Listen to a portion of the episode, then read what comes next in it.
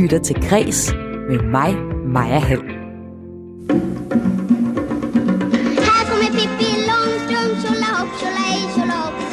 Orange flætninger, et fræk smil og en abe på skulderen. Har du sett min apa, min fina söta lilla apa? Har du sett herr Nilsson, han heter faktiskt så. Pippi Lotta, Victualia, Rullegardina, Krusemønta, Elfremstorter, Longstrømpe holder 75 års fødselsdag, og det bliver fejret med en genudgivelse af bogen. Jeg synes, hun er meget sej, fordi at hun er sådan en... Hun tør også sige um, politibetjente imod. Det tror jeg ikke, de fleste børn tør. Lige siden børnebogen opstod som genre i slutningen af 1700-tallet, der har de her selvstændige, ikke-autoritære børn været en del af børnebogstraditionen. Det var forestillingen om, at barnet også øh, skulle være et øh, lille anti-autoritært individ. Det skulle ikke bare øh, afrettes og gøre, som de voksne siger. Verdens stærkeste pige, Pippi Langstrømpe, hun er dagens værk her i Kreds i dag. Men jeg har også andre historier med til dig. Kulturen er rykket online, og det fungerer sådan set fint. Jeg synes ikke, det på nogen måde kan sammenlignes med at gå i teateret. Men først, der bliver vi nødt til at tage en status på, hvordan kulturen er kommet til at hænge i sådan et tyndt politisk gavebånd. Et politisk flertal har mistet tilliden og vil ikke forhandle om en hjælpepakke til kulturen med kulturminister Joy Mogensen. Forhandlingerne skal rykkes til Erhvervs- eller Finansministeriet, mener partierne, deriblandt de radikales kulturordfører Senior Stampe den store plan og den store analyse af, hvor lokummet brænder og hvor vi står over for lukninger og konkurser, den er endnu ikke kommet, og, og vi har simpelthen mistet troen på, at den kommer fra Kulturministeriet. Det helt store problem, det er pengene. Der er simpelthen ikke nogen, og de der er, de kommer fra skuffer og skabe i Kulturministeriet, påpeger de her ordfører. Det gælder for eksempel sådan noget som øh, bibliotekspengene, som forfatterne har kunne få, ja, mm, en uge tidligere end normalt. Men det er jo penge, som de havde regnet med under alle omstændigheder. Derfor bør forhandlingerne på området blive fjernet fra Kulturministeriet og overført til enten Erhvervsministeriet eller Finansministeriet, hvor der er penge. Det mener blandt andet kulturordfører i Venstre, Britt Bager.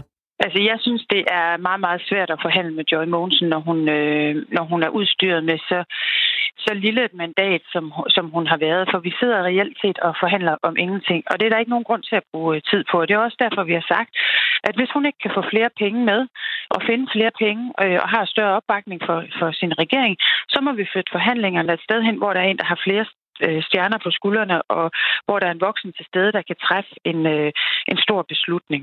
Og, og det er egentlig vores forslag nu, og så må regeringen jo øh, finde ud af øh, internt og med deres støttepartier, om de har tillid til John Mogensen. Det har vi jo i Venstre ikke så stor en stemme i. Næste skridt i forhandlingerne om støtte til kulturen ligger nu på Kulturministeriets bord og øh, ministerens bord, så må vi jo se, hvad der sker der.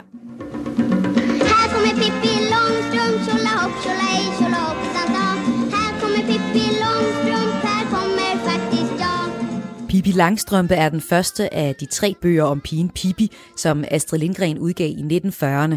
Den indeholder 11 fortællinger om en rødhåret pige, der bor alene i Villa Villekulla med sin hest, sin abe og en taske fuld af guldmønter. Og så er hun bedste venner med de artige og vandkæmmede nabobørn Tommy og Annika. Pippi fylder 70 år i år, og derfor har forlaget genudgivet den første bog om Pippi. Og bogen, den er altså stadig relevant. Det mener i hvert fald en 9-årig pige. Det er Karen Østergaard Vøldice, som vi har fået til at anmelde bogen her i Kreds. Øhm, jeg synes, den er meget god. Øhm, og jeg kan godt lide, at hun sådan er lidt selvstændig. Hvordan er hun selvstændig? Altså, hun er sådan lidt, hun kan bestemme over sig selv, fordi hun ikke har nogen forældre til at bo hjemme ved hende. Er det, gad du godt at have det ligesom Pivi nogle gange? Altså, nogle gange, når jeg synes, mine forældre bestemmer lidt for meget.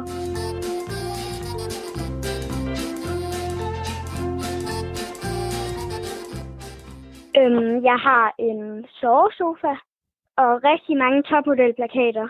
Øhm, jeg har også nogle teaterplakater. Så har jeg en billedvæg med billeder af mine klassebilleder og billeder af min familie. Og så har, har du, ikke mere. og så har du en reol også. Øhm, ja. Øhm, jeg har også noget Guinness rekordbog. Og så har jeg også en bog om Halloween og Harry Potter og sådan noget. Øhm, jeg læser øhm, før jeg skal i seng. Så du læser Eller- i, din, i din seng. Ja, det er meget hyggeligt. Om aftenen, hvor man bare ligger og læser. Det er også en god måde at køre træt på.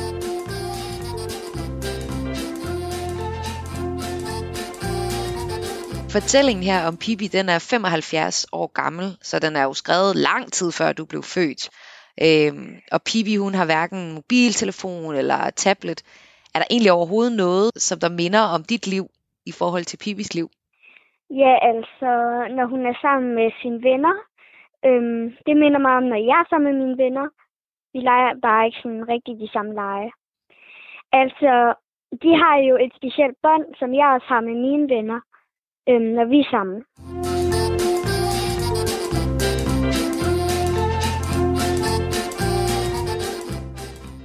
Så har jeg også nogle bøger, jeg selv har skrevet. Hvad er det for nogle bøger? Det er Den modige killing. Og så...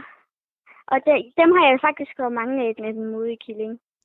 Og så har, øh, har jeg Den modige killing lider med en ejer. Den modige killing, killing, når den bliver væk. Den, og så tror jeg, det var det.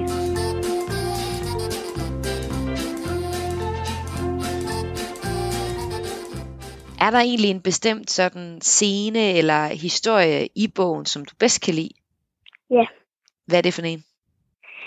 Det er den, hvor at hun synes, det er snyd, at Tommy og kan gå i skole, fordi at de, øhm, de så får ferie, og hun får jo ikke noget så.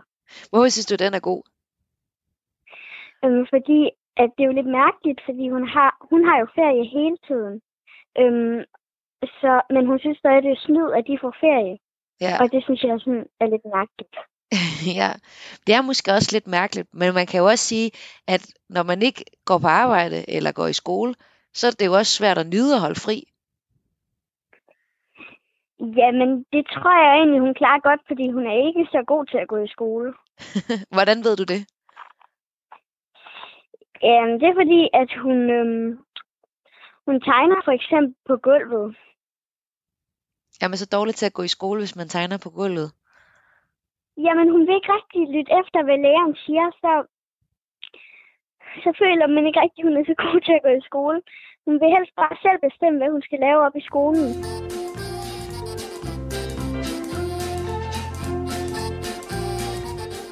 Jeg finder mig ikke i det. I hvad for noget, spurgte Tommy. Om fire måneder er det jul, og så får I juleferie. Men jeg, hvad får jeg?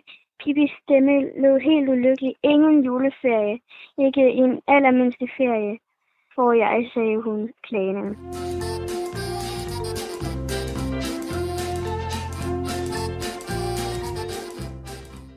Men hvorfor kan du egentlig allerbedst lide den her fortælling i bogen? Øhm, altså, det er fordi, den har meget humor.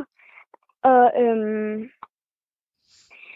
altså, selvom alle scenerne er ret sjove, så er den her især sjov, fordi at hun, at hun tror, at hun slet ikke får ferie. Men hun har jo ferie hele tiden. Mm.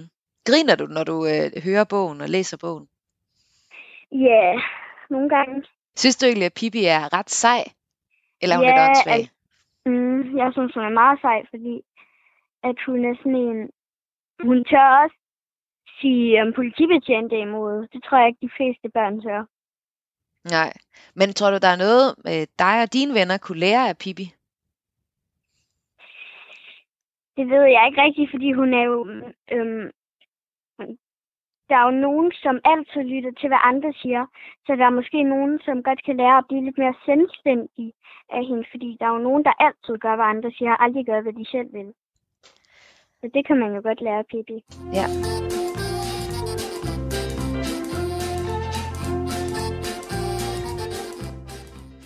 Lige nu læser jeg en, der hedder Slimsneglene fra det ydre rum. En gang til, hvad hedder den? Slimsneglene fra det ydre rum. Slimsneglene fra det ydre rum. Hvad er det for en bog? Mm. Øhm, den handler om en invasion af nogle slimsnegle. De kommer ned fra sådan en meteor øhm, og kravler ind i folks næser og overtager dem. Den lyder Øhm, ulækker. Ja, og så er der så tre børn, som går i klasse sammen, som så skal redde dem. øhm, fordi de har fået at vide af en eller anden slags politibetjent op for det ydre rum, at man skal skynde sig at stoppe sneglene, før de har overtaget alle mennesker.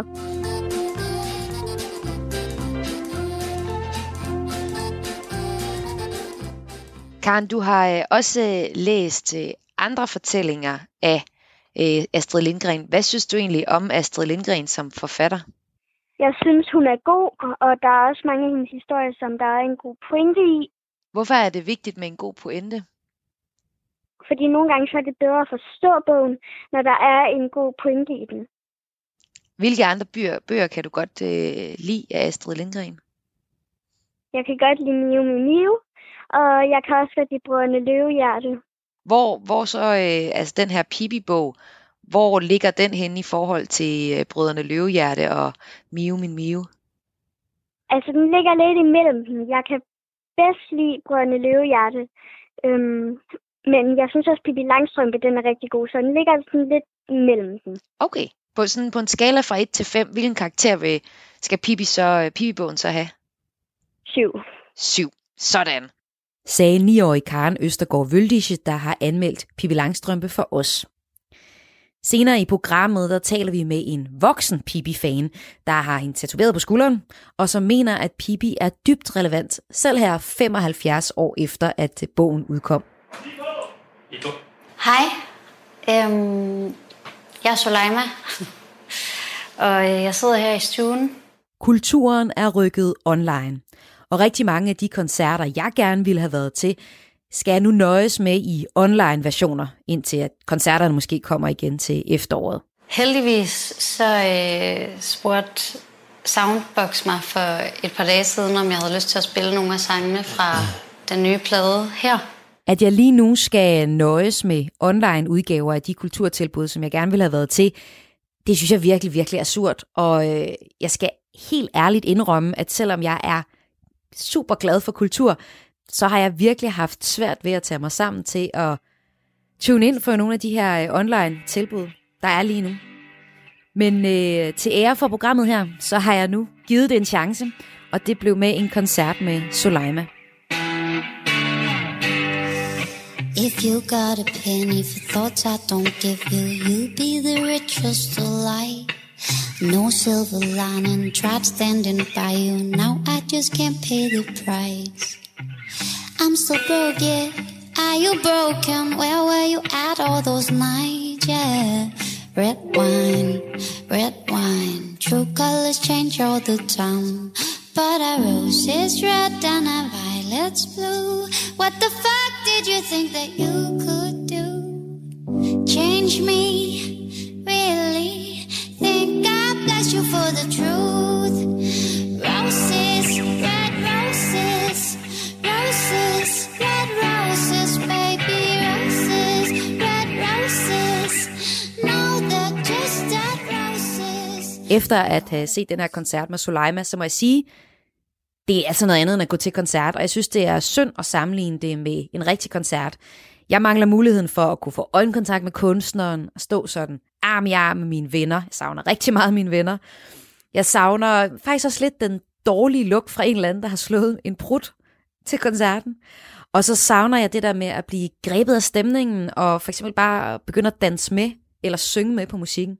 Soleima, eller Sara Marigård, som hun hedder, når hun er fri fra arbejde, var faktisk også skeptisk over for at lave en online koncert, også fordi det var hendes anden livestream nogensinde. For mig, der er det, der er det at, øh, altså, der er, der er det at, at spille koncerter rigtigt noget af det, jeg holder allermest af ved øh, at få lov at lave musik. Altså det at komme tæt på folk og det at mærke, hvordan ens musik lever og ændrer sig og sådan nogle ting i, øhm, netop i samspillet med, at der er nogle mennesker, der lytter til det og tager imod det på den ene eller den anden måde. Jeg, er, jeg har lidt sådan havde kærlighedsforhold, havde kærlighedsforhold til internettet generelt. Altså jeg, jeg synes godt noget af det, der kan være hårdt ved at være en artist, at man skal være så meget på internettet. Og, øhm, Hvad mener du med det? Det kan være, det kan, jeg har personligt svært ved den sådan meget selvpromoverende aspekt, der er af- at være kunstner og skulle hele tiden være aktiv på internettet. Hele tiden så man er ved, nu skal du gøre det, nu skal du gøre det, bam, bam, bam. Det, det, det er jo noget, fordi jeg er, som jeg er. Men, øhm, men jeg tror, at den her tid gør, at jeg, jeg, får, jeg får lidt et andet blik på internettet, og jeg kommer måske til at få rigtig meget øje på nogle af de kvaliteter, det faktisk tilbyder.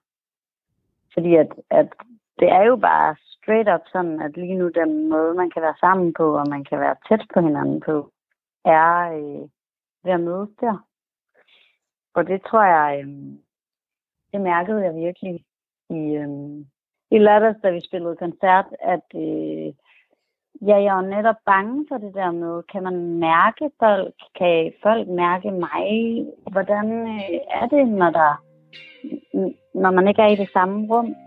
Men faktisk sjovt nok, så synes jeg nærmest, det føles som om man var i det samme rum. Og jeg synes nærmest, man sådan...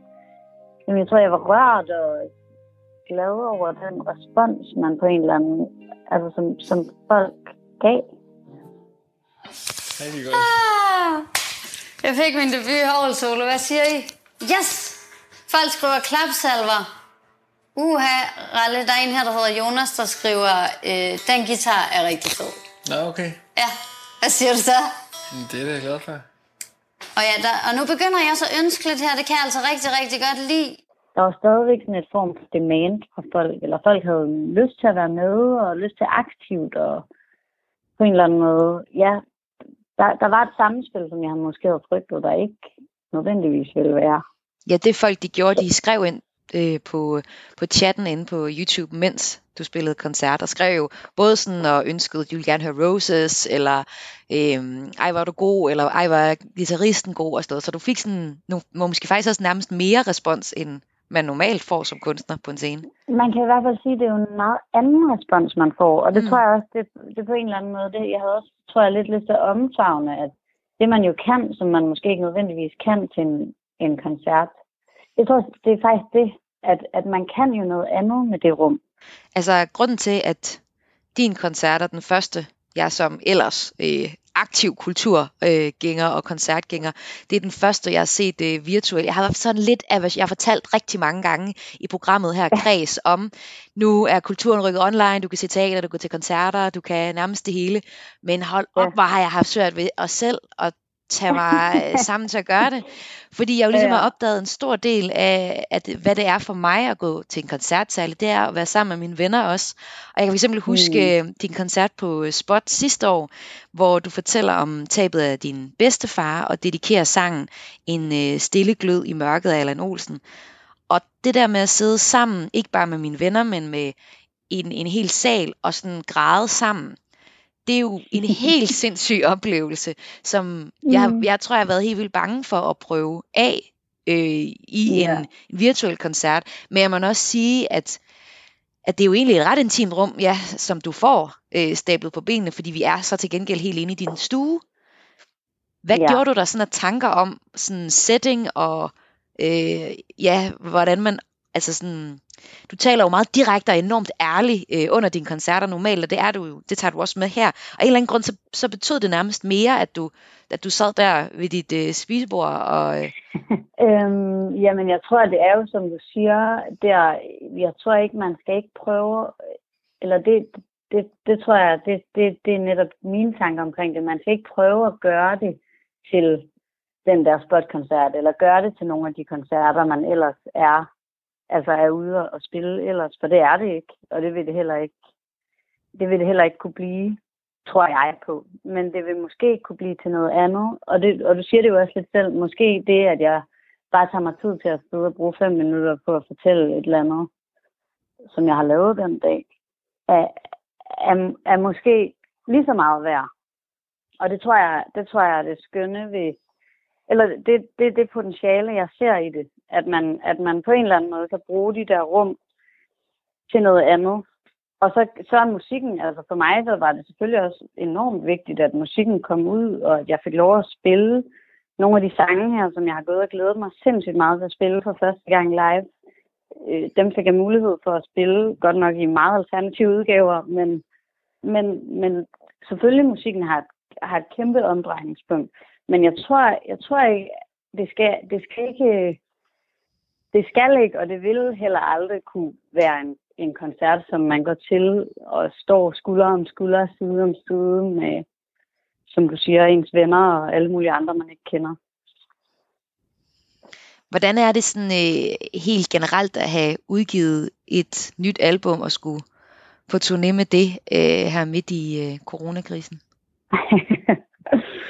altså, øh, det, jeg, jeg udgav albumet om fredagen, og landet blev lukket ned, tror jeg, om onsdagen. Mm. Så det var ligesom sådan lige, øh, lige midt i øh, orkanens øje, hvis man kan sige det sådan.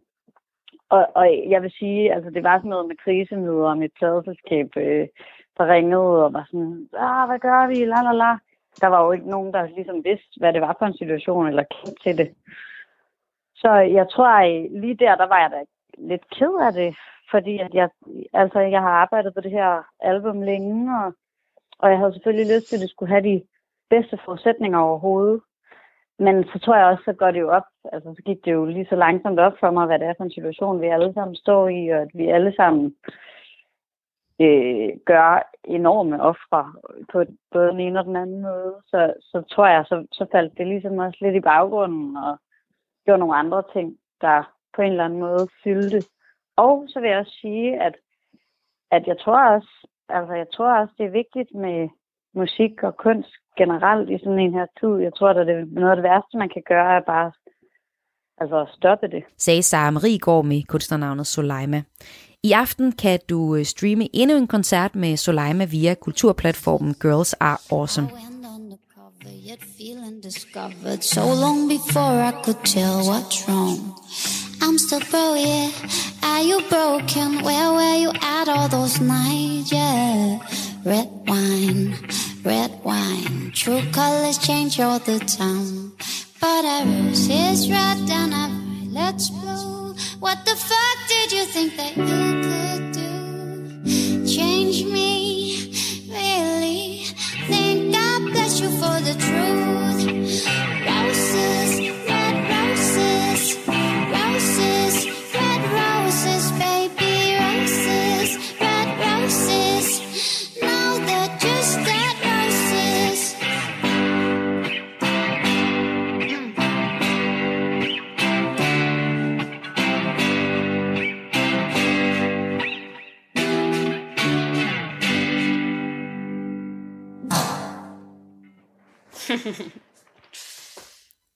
Koncerten med Soleima skal jeg understrege var virkelig, virkelig fin og kan nemt genses. Men helt ærligt, så kommer jeg nok ikke til at se flere online koncerter eller andre online kulturtilbud. Jeg sparer op til efter krisen, og så øh, nyder jeg film, bøger og dokumentar. For eksempel skal der lige komme en anbefaling her til Tiger King, en dokumentar, der ligger på øh, Netflix. Kæmpe opfordring til at tjekke den ud. Hvert sekund i den serie, altså der kommer en ny, fuldstændig sindssyg persona, og alle har det til fælles, at de er virkelige, og det tror man nærmest ikke på, og at de elsker tigere. Här kommer Pippi Långstrump, tjolahopp, tjolahej, tjolahoppsan sa. Här kommer Pippi Långstrump, här kommer faktiskt jag. Hver dag i kreds, der kaster jeg mig over et aktuelt kunst- eller kulturværk, som jeg kigger nærmere på. Og i dag så er det bogen om Pippi, der bliver genudgivet, fordi Pippi fylder 75 år. De fleste kender sikkert det der med at være fascineret af for eksempel Pippi som barn, men for nogen fortsætter forbindelsen langt ind i voksenlivet. Sådan har det været for podcastvært og producer Rikke Kolin, som blandt andet har lavet P1-programmet Pippi for voksne. I programmet kigger hun på, hvordan Pippi kan inspirere os i dag inden for forskellige emner, f.eks. køn, dannelse og humor. Og så har Rikke Kolin en øh, tatovering af Pippi, fordi hun ser hende også som et stærkt feministisk symbol. Jeg har en tatovering af Pippi på skulderen, fordi at jeg øh, boede i Berlin i, i 2016 øhm, og øh, havde fået øh, ret mange tatoveringer inden for ret kort tid. Og så ville jeg rigtig gerne have et, et øh, feministisk symbol på, på skulderen, og jeg var sådan, gik og var i tvivl om, hvad det skulle være, for jeg synes, sådan, et kvindetegn, det var lige åbenlyst nok. Og så min øh, veninde, som også var stor Pippi-fan, hun øh, fortalte, at hun havde overvejet at få en Pippi Langstrøm-tatovering. Og lige da hun sagde det, så var jeg bare sådan, ja, det er også det, jeg skal. Er det i orden, hvis jeg også får en? Øhm, og så fik jeg hende på skulderen for ligesom at have en, der altid kunne minde mig om, at når det hele er lidt svært, så, øh, så kunne man ligesom kigge på hende og det forbillede, hun er. Man kan sige, jeg kan så ikke rigtig kigge på hende, fordi hun sidder på skulderen, men så er det jo noget med at kigge i spejlet om bag ryggen. Øhm, ja, og så et par måneder senere fik jeg et lille my fra mumitrollene på den anden skulder, så de passer på mig, når jeg har, øh, har brug for det.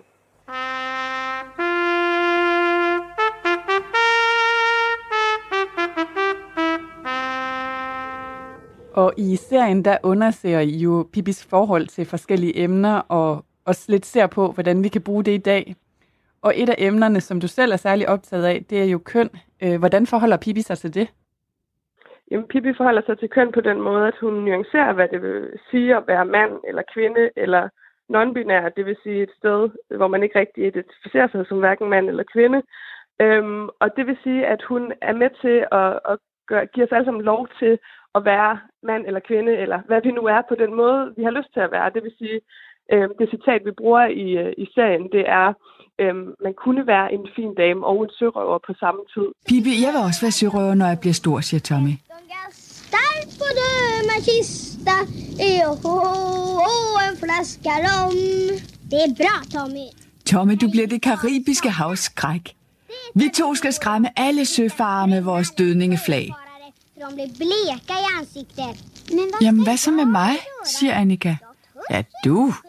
Du skal selvfølgelig også være sørøver, siger Pippi. Troede du, at du skulle sidde her hjemme og trille tommelfinger? Det citat synes jeg bare indrammer enormt stærkt, at, at Pippi ligesom sætter spørgsmålstegn ved, jamen det der med, at hvis man er kvinde, så er man på den måde, og hvis man er mand, så er man på den måde. Og det der med, at man både kan være en, en sørøver og en fin dame på samme tid, det vidner om, at vi alle sammen, eller i hvert fald langt, langt de fleste mennesker, er meget mere nuanceret end det, at, at man bare skulle være en pige, der leger med barbiedukker, eller en dreng, der klatrer i træer. Øhm, og det, det synes jeg, Pippi er med til at, øh, at åbne det her begreb om, hvad, hvad køn egentlig er for noget.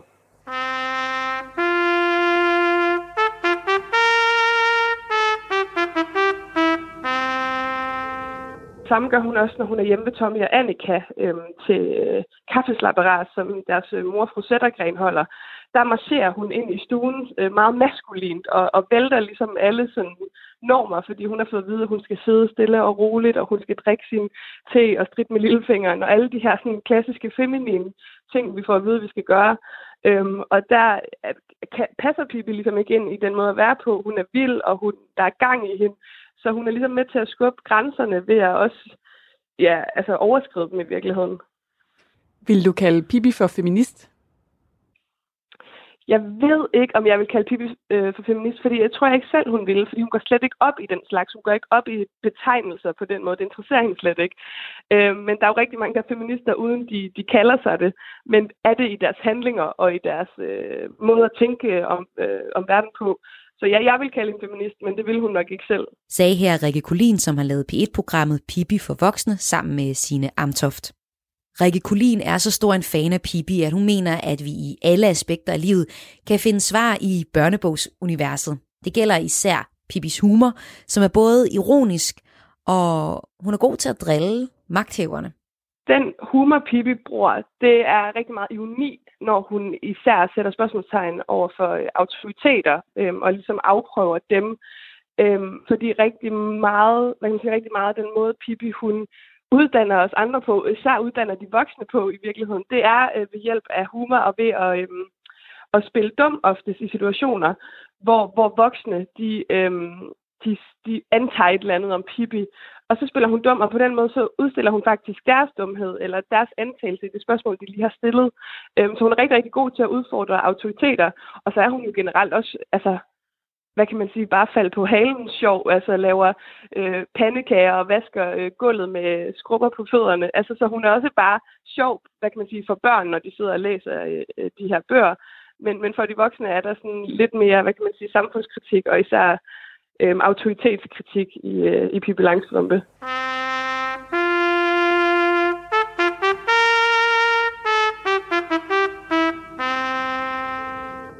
Altså et konkret eksempel på, hvor Pippi hun bruger ironi, det er en af øhm, historierne fra bøgerne, hvor at der er en, en voksen mand, der øh, kører forbi Ville Villekulla, øh, og som vist nok gerne vil købe det.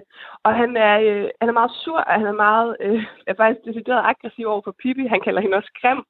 Øh, men for det første er hun et barn, og for det andet er hun en kvinde, og, øh, og det underminerer han øh, gang på gang. Øh, og så siger han på et tidspunkt, at øh, alle børn burde skydes, og Pippi udfordrer ham så ligesom ved at faktisk tale ham efter munden og sige, ja, alle børn burde virkelig skydes. Øhm, og på den måde sådan udstiller hans udsagn, fordi han jo selv har været barn engang. Men så samtidig så afslutter hun jo med at sige, øhm, men hvis vi gjorde det, så ville, øh, øh, så ville de jo ikke kunne vokse op og blive sådan nogle små, søde, rare mænd som dig. Så hun sætter også lige sådan en punchline på, øh, og hvad kan man sige, udstiller ham endnu mere øh, på grund af det.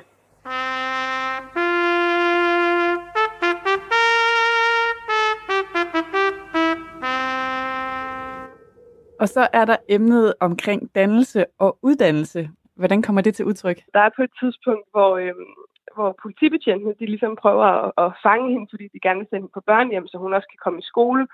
Øh, og de spørger hende ligesom, jamen Pippi, øh, vil du ikke lære, hvad hovedstaden i Portugal hedder? Og Pippi, hun, hun starter ligesom med at sige, øh, at, at øh, altså, det har hun ikke brug for, og hun, øh, hvorfor, hvad, hun kan jo bare ringe til Portugal, hvis hun vil vide, hvad hovedstaden er. Det kan hun ikke se, hvorfor hun skal gå i skole for. Og så slutter hun ligesom hele sin øh, snak af her med at sige, og desuden har jeg været i Lissabon med min far. Nå, hvad er 5 plus 7? Ved du det ikke selv, spørger Pippi?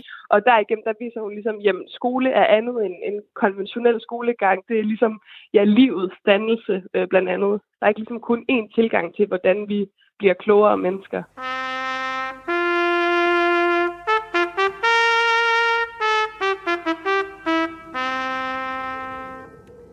Pippi, hun har jo helt sikkert været en held for rigtig mange børn.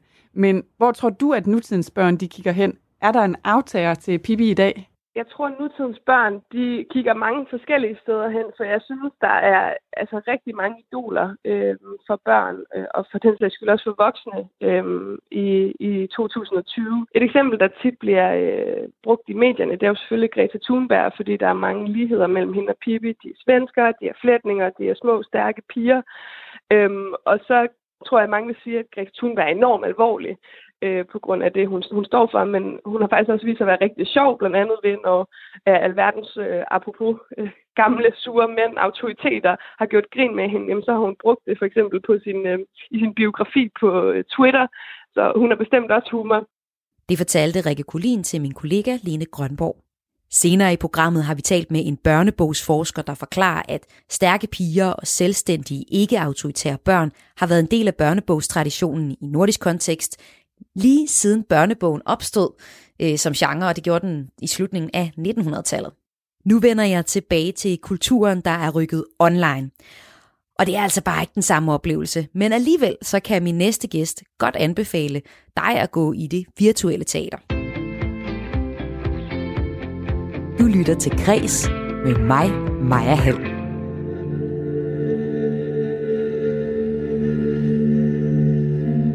En epidemi er brudt ud i Danmark. Epidemien har udryddet det meste af den danske befolkning, og der er nu kun ni mennesker tilbage til at genopbygge landet. Så galt er det ikke gået. Coronakurven ser ud som om den ikke bliver så stejl som frygtet. Der er et yndigt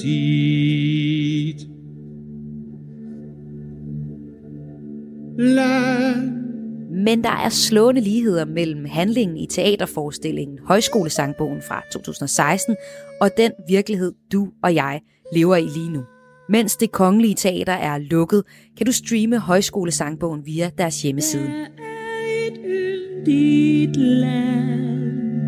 Det er altså endnu et eksempel på, at kulturen er rykket online. Det står med brede byer Forestillingen er øh, ugens kreds, elementet hvor en lytter anmelder en kulturoplevelse her i programmet. Og lytteren er højskolelærer på Hasten Højskole, Christian Kirk. Han troede faktisk først, at teaterstykket var et helt nyt stykke, og ikke et fra 2016. Det var sådan meget slående. Hold da op, det passer godt nok øh, lige på. Og så kan man sige, når, øh, når forestillingen så går i gang, øh, så kan man jo sådan godt fornemme, at det, der er den her virus, og der er ligesom masse, der er døde, og der er nogen tilbage, og de skal forsøge at samle stumperne op på et land. Var der noget særligt fra øh, forestillingen, du hæftede dig ved i, i forhold til, hvordan den beskriver sådan en, en, øh, en, en virusscenarie? Øhm, det, jeg, det, jeg synes, jeg hæftede mig ved, det var mest det der med, at man sådan i hvert fald lige som et tankeeksperiment kom til at tænke på at sige, okay, nu virker det så til, at det her corona, det er i hvert fald, at vi på den gode side af det, eller der er overblik over det. Men hvis nu det var stukket fuldstændig af, og halvdelen af Danmark var døde, hvordan, hvordan vil man så egentlig samle et land op? Altså, hvad, hvad er det så, hvad er det så, man egentlig skal forsøge at, og hvad kan man sige, finde sammenhold omkring? Og det er jo så også noget det, den tager op på en eller anden måde. Altså, den forsøger jo, tænker jeg i starten der, at, og, og se, om man kan finde sammen om nogle sange, som man ligesom alle sammen sige, dem her, dem kender vi alle sammen, og de her, de her sange siger også noget om, hvad det vil sige at være dansker og så videre. Ja, og, og det du så siger, det er, at Højskolesangbogen, det er en musical, som tager udgangspunkt i øh, sange fra Højskolesangbogen, og de har jo valgt nogen ud øh, til den, hvor, altså, var der, hvordan var de her fortolkninger? Var der noget, der gav særlig god mening for dig at høre? Altså, der kan man sige, nu kommer jeg jo fra, nu kommer jeg jo fra højskolen, hvor jeg er vant til, at de her sange lige nu, man synger sammen med, i mit tilfælde, cirka 100 andre mennesker. Og det vil sige, at det er nogen, der er fællesang altid. Og jeg er nok blevet mærket så meget af det, at, at jeg synes, de fungerer bedst, når det er fællesang. Øh, der var nogle af tolkningerne, jeg synes var rigtig gode, altså som, som, øh, som var altså, gode musiske og øh, også øh, godt sunget og så videre.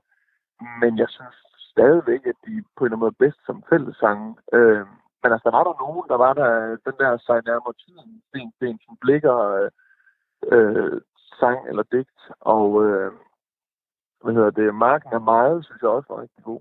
Marken er meget og høje, der høster. Marken er meget og høje, der høster. Skålet af laderne og høster hest. Skålet af laderne den og træet der ryster. Den er plukket og træet ryster. Nu går det hjemme med det aller sidste læs. Og nu går det hjemme med det aller sidste læs. Er jo det er gammel ret. Uden nok en skal også være med. Det er gammel ret. Så der var nogle rigtig gode tolkninger, men, øh, men jeg synes måske stadig, de er bedst som fællessang. Og det er jo noget, som øh, man gør sig i på en højskole. Lige nu så har I jo svært ved at holde at synge fælles sange. Hvad, hvordan holder man en højskole kørende lige nu? Øh, det er virkelig et godt spørgsmål. Øh, jeg, jeg ved det ikke helt, men vi prøver. Øh, vi øh, forsøger at lave sådan noget online morgensamlinger og øh, lave lidt øh, undervisning virtuelt. Øh, men jeg tror, jeg tror, det er svært at lave et fællesskab øh, virtuelt. Øh, det er det i hvert fald for os, som er så utrolig vant til, at, at man altså sidder over for hinanden, og man kan røre ved hinanden osv. Nu har øh, vi som kulturprogram dækket rigtig mange af de her kulturbegivenheder, der er rykket online. Så jeg er jo sindssygt nysgerrig på så også at høre dig. Nu har du set den her øh, musical for os. Hvordan er det sammenlignet med at gå i teateret? Øh, jamen, altså, jeg synes jo, det er en god forestilling, så, så, så, så den, var, den var spændende at se, men altså, nej, jeg synes ikke, det på nogen måde kan sammenlignes med øh, at gå i teateret. Øh, og måske mest af alt, fordi at, hvad kan man sige, når man sidder i teateret, så spiller man faktisk en meget vigtig rolle. Og man spiller den rolle, der hedder, at man er publikum for nogle levende mennesker, der står på en scene, og som på en eller anden måde også reagerer på en feedback, man får fra publikum af, at folk klapper, eller folk øh, sidder ude på kanten af stolen, eller hvad de nu gør. Og når jeg sidder med min telefon i hånden, eller min iPad, øh, så, øh, så spiller jeg ingen rolle overhovedet. Men, øh, men vil du egentlig anbefale, at man tjekker for eksempel teaterstykker ud og ser dem online, når man nu ikke kan gå i teateret? Ja, altså det synes jeg da stadigvæk godt, man kan. Altså det er jo ikke fordi, selvom man kan sammenligne det med film, så betyder det jo ikke, at det er en dårlig film. Altså, øh, så jeg synes, jeg, jeg synes da bestemt, at det var spændende det her, og jeg synes også, at det var jo meget relevant netop, som du sagde til at starte med, fordi der er en slående lighed med det, vi står i lige nu. Sagde vores lytter, højskolelærer på Hasten Højskole, Christian Kirk. Du kan streame forestillingen Højskolesangbogen via det Kongelige Teaters hjemmeside. Du lytter til Kres her på Radio 4, et program, der i dag bliver optaget hjemme i min stue. Så du kan ikke skrive ind til programmet, men du kan nemt sende os en mail. Og den mail, kreds radio4.dk, den får du brug for nu. For hver uge, der udvælger jeg her i Kreds en kulturoplevelse, som en lytter kan få lov at opleve, mod at give en lille anmeldelse her i radioen. Det er ugens kreds. Og i den her uge, så er det den norske forfatter Erland Loes nye roman, Helvede. Alan Loes mest kendte værk er nok Dobler. Det er en bog om familiefaren, der flytter ud i en skov og bliver ven med en elg. En enormt sjov bog, øh, som der så også lige handler om en mand i en eksistentiel krise. Erland Loes nye roman handler også om en krise. Helvede er titlen på fortællingen om den midalderne kvinde Rakel, der netop er blevet skilt, og i forbandelsen over sin egen skæbne støder hun på en lem, som fører hende til Satan. Og han har et tilbud, som hun ikke kan modstå. Kunne du tænke dig at læse den her bog? Så sender jeg gerne et eksemplar i din retning, men øh, du skal lige skrive mig en mail, og det skal du på kreds radio 4dk og det er k-r-a-e-s-radio4.dk. På den anden side af læsningen, og bare rolig, der er god tid til den, så vil jeg gerne høre om din oplevelse af bogen her i radioen. Men send mig altså en mail med dit navn til kreds radio 4dk tjolahopp, tjolahej, tjolahoppsan sa.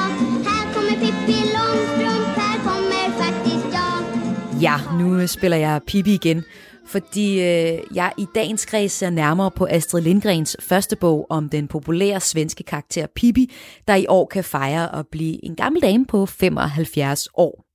Pippi er den her stærke, selvstændige øh, unge pige, ikke, der bor alene og klarer ærterne selv. Men den her historie er slet ikke unik. Nina Christensen, der er professor i børnelitteratur og leder af Centret for Børns Litteratur og Medier ved Aarhus Universitet, peger på, at stærke piger og selvstændige, ikke-autoritære børn har været en del af børnebogstraditionen herhjemme, lige siden børnebogen opstod som genre i perioden 1990 til 1850. Jamen, den opstod som, øh, som et nyt medie på baggrund af to ting særligt. Den ene, det var, at man begyndte i midten af 1700-tallet at se barnet som et særligt individ, som ikke bare skulle nøjes med at læse ABC'er og det, som de voksne også øh, var i nærheden af. De skulle have deres egne bøger, fordi børn var nogle særlige væsener, der med nogle særlige behov også. Øh, og så udviklede det altså først i Tyskland, og det er den anden grund, der udviklede sig i Tyskland et, øh, en produktion af tekster for børn, som man først overtog i Danmark, og så efterhånden begyndte at have sin egen øh, produktion af. Og det startede primært med, med noget, vi i dag nok ville kalde fagtekster øh, og undervisningstekster. Øh, men efterhånden begyndte det, det, vi regner for skønlitteratur i dag, også at blive produceret på børn. Altså fortællinger om børns liv og var børne, med børnekarakterer, øh, som man kunne også bruge til at tale med børn om, hvad vil det sige at være menneske, og hvordan handler man, og øh, efterhånden så også, når vi kommer længere op omkring 1830, øh, det vi kender som øh, eventyr for børn, øh, for eksempel med H.C. Andersens øh, eventyr fortalt for børn.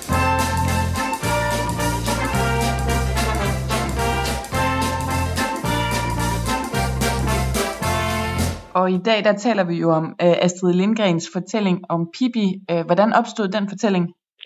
Jamen, det var jo, det er det jo mange eksempler på. Det gælder faktisk også hos Andersens eventyr, at en del af dem er opstået som mundtlige fortællinger til konkrete børn.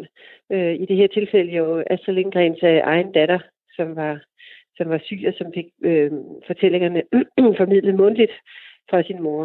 Og så hvorefter de blev øh, lavet til små samlinger af fortællinger, og de små samlinger af fortællinger blev så lavet til, til den bog, vi i dag øh, tænker på som Pippi Langstrømpe, som egentlig er en samling af tre små bøger. Og hvordan blev den øh, første udgivelse af Pippi, hvordan blev den modtaget i samtiden? I Danmark blev den meget godt øh, modtaget. Øhm, det hænger sammen med, at mange af dem, der interesserede sig for børnelitteratur og skrev om børnelitteratur, det var også folk, der havde interesse for pædagogik og for den her, øh, de her nye tanker om barnet, der kom frem i, i, øh, i 1930'erne og frem. Så det var, nogle, det var forestillingen om, at barnet også øh, skulle være et, øh, et lille anti-autoritært individ. Det skulle ikke bare øh, afrettes og gøre, som de voksne siger. Og det er noget, man kan se i børnelitteraturen fra, fra 30'erne, men som så øh, virkelig blomstrer op i 1940'erne, Altså man kan også tænke på en figur som Palle alene i verden, som kom øh, omkring øh, samme tid, øh, som går på græsset, mens der på skiltet står, græsset må ikke betrædes. Palle går ind i den park, hvor han plejer at lege sammen med de andre børn fra gården. Han går lige tværs over alle plænerne. Han ser godt, at der står sådan et skilt. Græsset må ikke betrædes. Men det er lige meget, for han er jo alene i hele verden. Den her tanke om et, et øh, anti-autoritært barn ligger i tiden, og nogle af dem, der anmeldte og øh, bedømte Astrid Lindgrens ting i øh, Danmark, det var også folk, der gik ind for den her anti-autoritære pædagogik. Forklaret her Nina Christensen, professor i børnelitteratur. Du lytter til Kres, og i dag der ser jeg nærmere på Astrid Lindgrens bog om Pippi. Hun er både anti-autoritær, selvstændig, og den tanke om barnet går helt tilbage til H.C. Andersen, skrev de første eventyr, forklarer Nina Christensen. Der løber en tråd i dansk børnelitteratur, som går tilbage fra H.C. Andersen, og det er den her tanke om den lille dreng, der siger, eller det lille barn, der siger til de voksne om kejseren, at han har ikke noget på. Så råbte en lille dreng bagerst fra mængden af mennesker. Hvorfor har kejseren ikke noget tøj på? Han har ikke engang undertøj på. At det er barnet, der ligesom er fornuftens stemme, og som tør, tør sige de voksne imod den tradition, øh, øh, blev videreført i tiden omkring Pippi og i 1970'ernes børnelitteratur, og den er der også øh, stærkt i dag. Altså, når man sammenligner dansk, dansk og nordisk børnelitteratur med, med andet børnelitteratur, så, så er det kommer det tit frem, at, at børn er nogle meget selvstændige øh, og kompetente individer sammenlignet med en del udenlandsk børnelitteratur, hvor børn stadigvæk øh, også gennem børnelitteraturen bliver dannet til at respektere autoriteter og øh, gældende normer.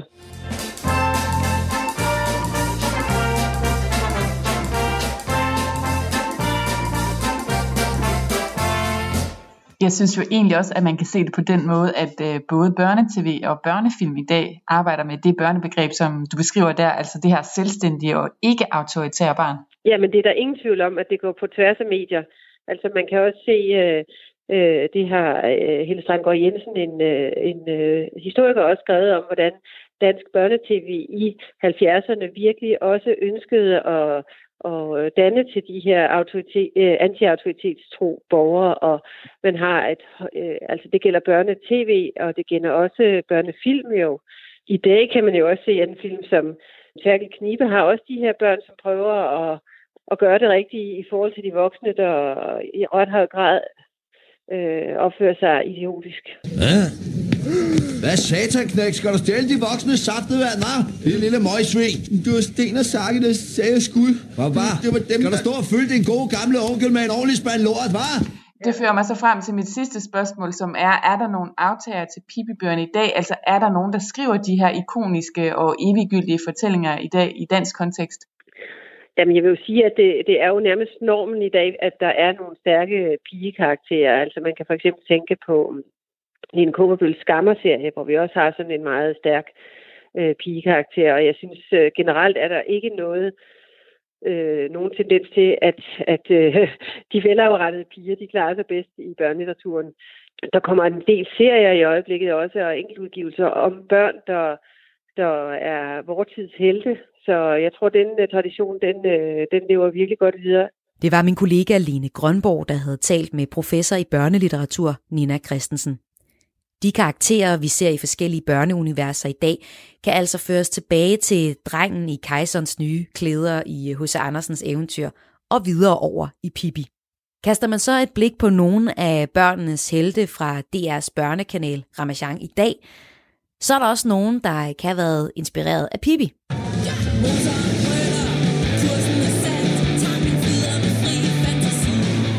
Karakteren Motormille eller Miligori har lange flætninger, og ligesom Pippi, så kan hun både være sørøver og fin dame.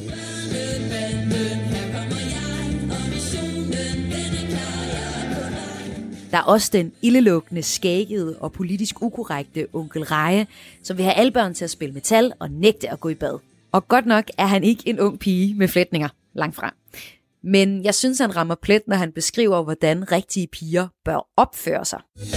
Jeg kan lide piger, der er ude på ballade. Jeg kan lide piger, der er ude på ballade. Så er du pigen, der kan lide en rigtig tosset melodi, så er det mig,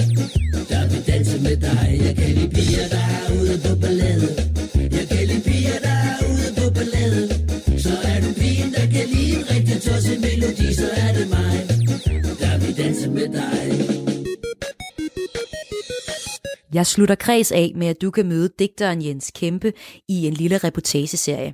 Han har optaget sig selv, mens han går rundt i København og omegn. I en tilstand af restløshed, så giver han os et perspektiv på den her coronatid, vi alle sammen lever i lige nu.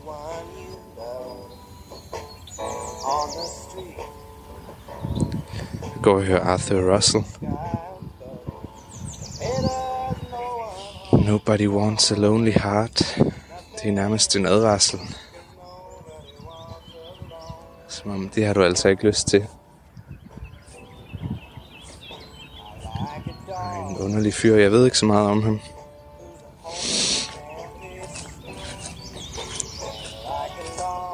Men han griber ensomheden rimelig lakonisk an.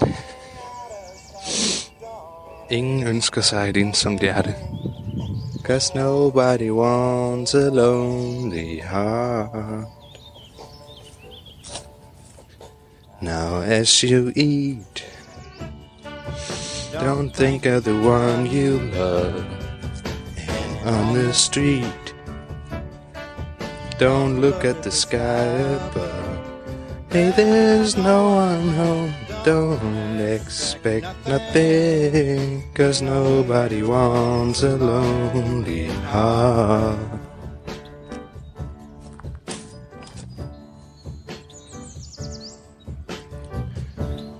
Kigger en mand mærkeligt på mig. Stoppede lige op på sin cykel. Det ser da måske også lidt mistænkeligt ud, jeg går rundt her og snakker. Kunne måske godt ligne en politibetjent. En kognito er ude og undersøge en anden gerningssted måske. Sådan hænger det altså ikke sammen. På grund af coronavirus anbefaler myndighederne, at vi viser hensyn til hinanden ved at holde afstand og rejse uden for myldretiden, hvis det er muligt.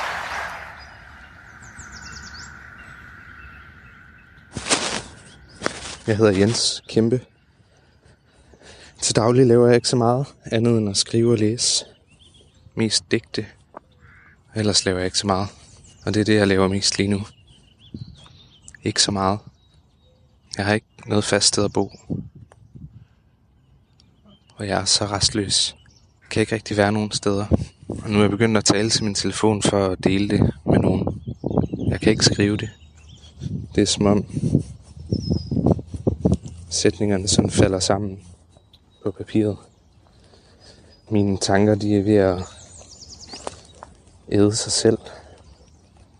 Jeg er begyndt at lugte ud af ørerne. De rådner, tror jeg. Så nu prøver jeg på den her måde. Man må opdage, finde en eller anden måde at være i tilværelsen. Det er det, jeg prøver.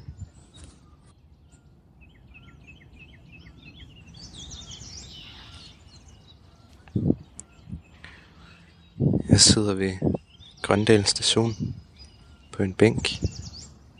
Der er ikke så mange mennesker. Åh oh, ja. Dage med absolut ledegang. I grunden er der ikke meget, der ændrer sig i mit liv. Sådan her er det til daglig.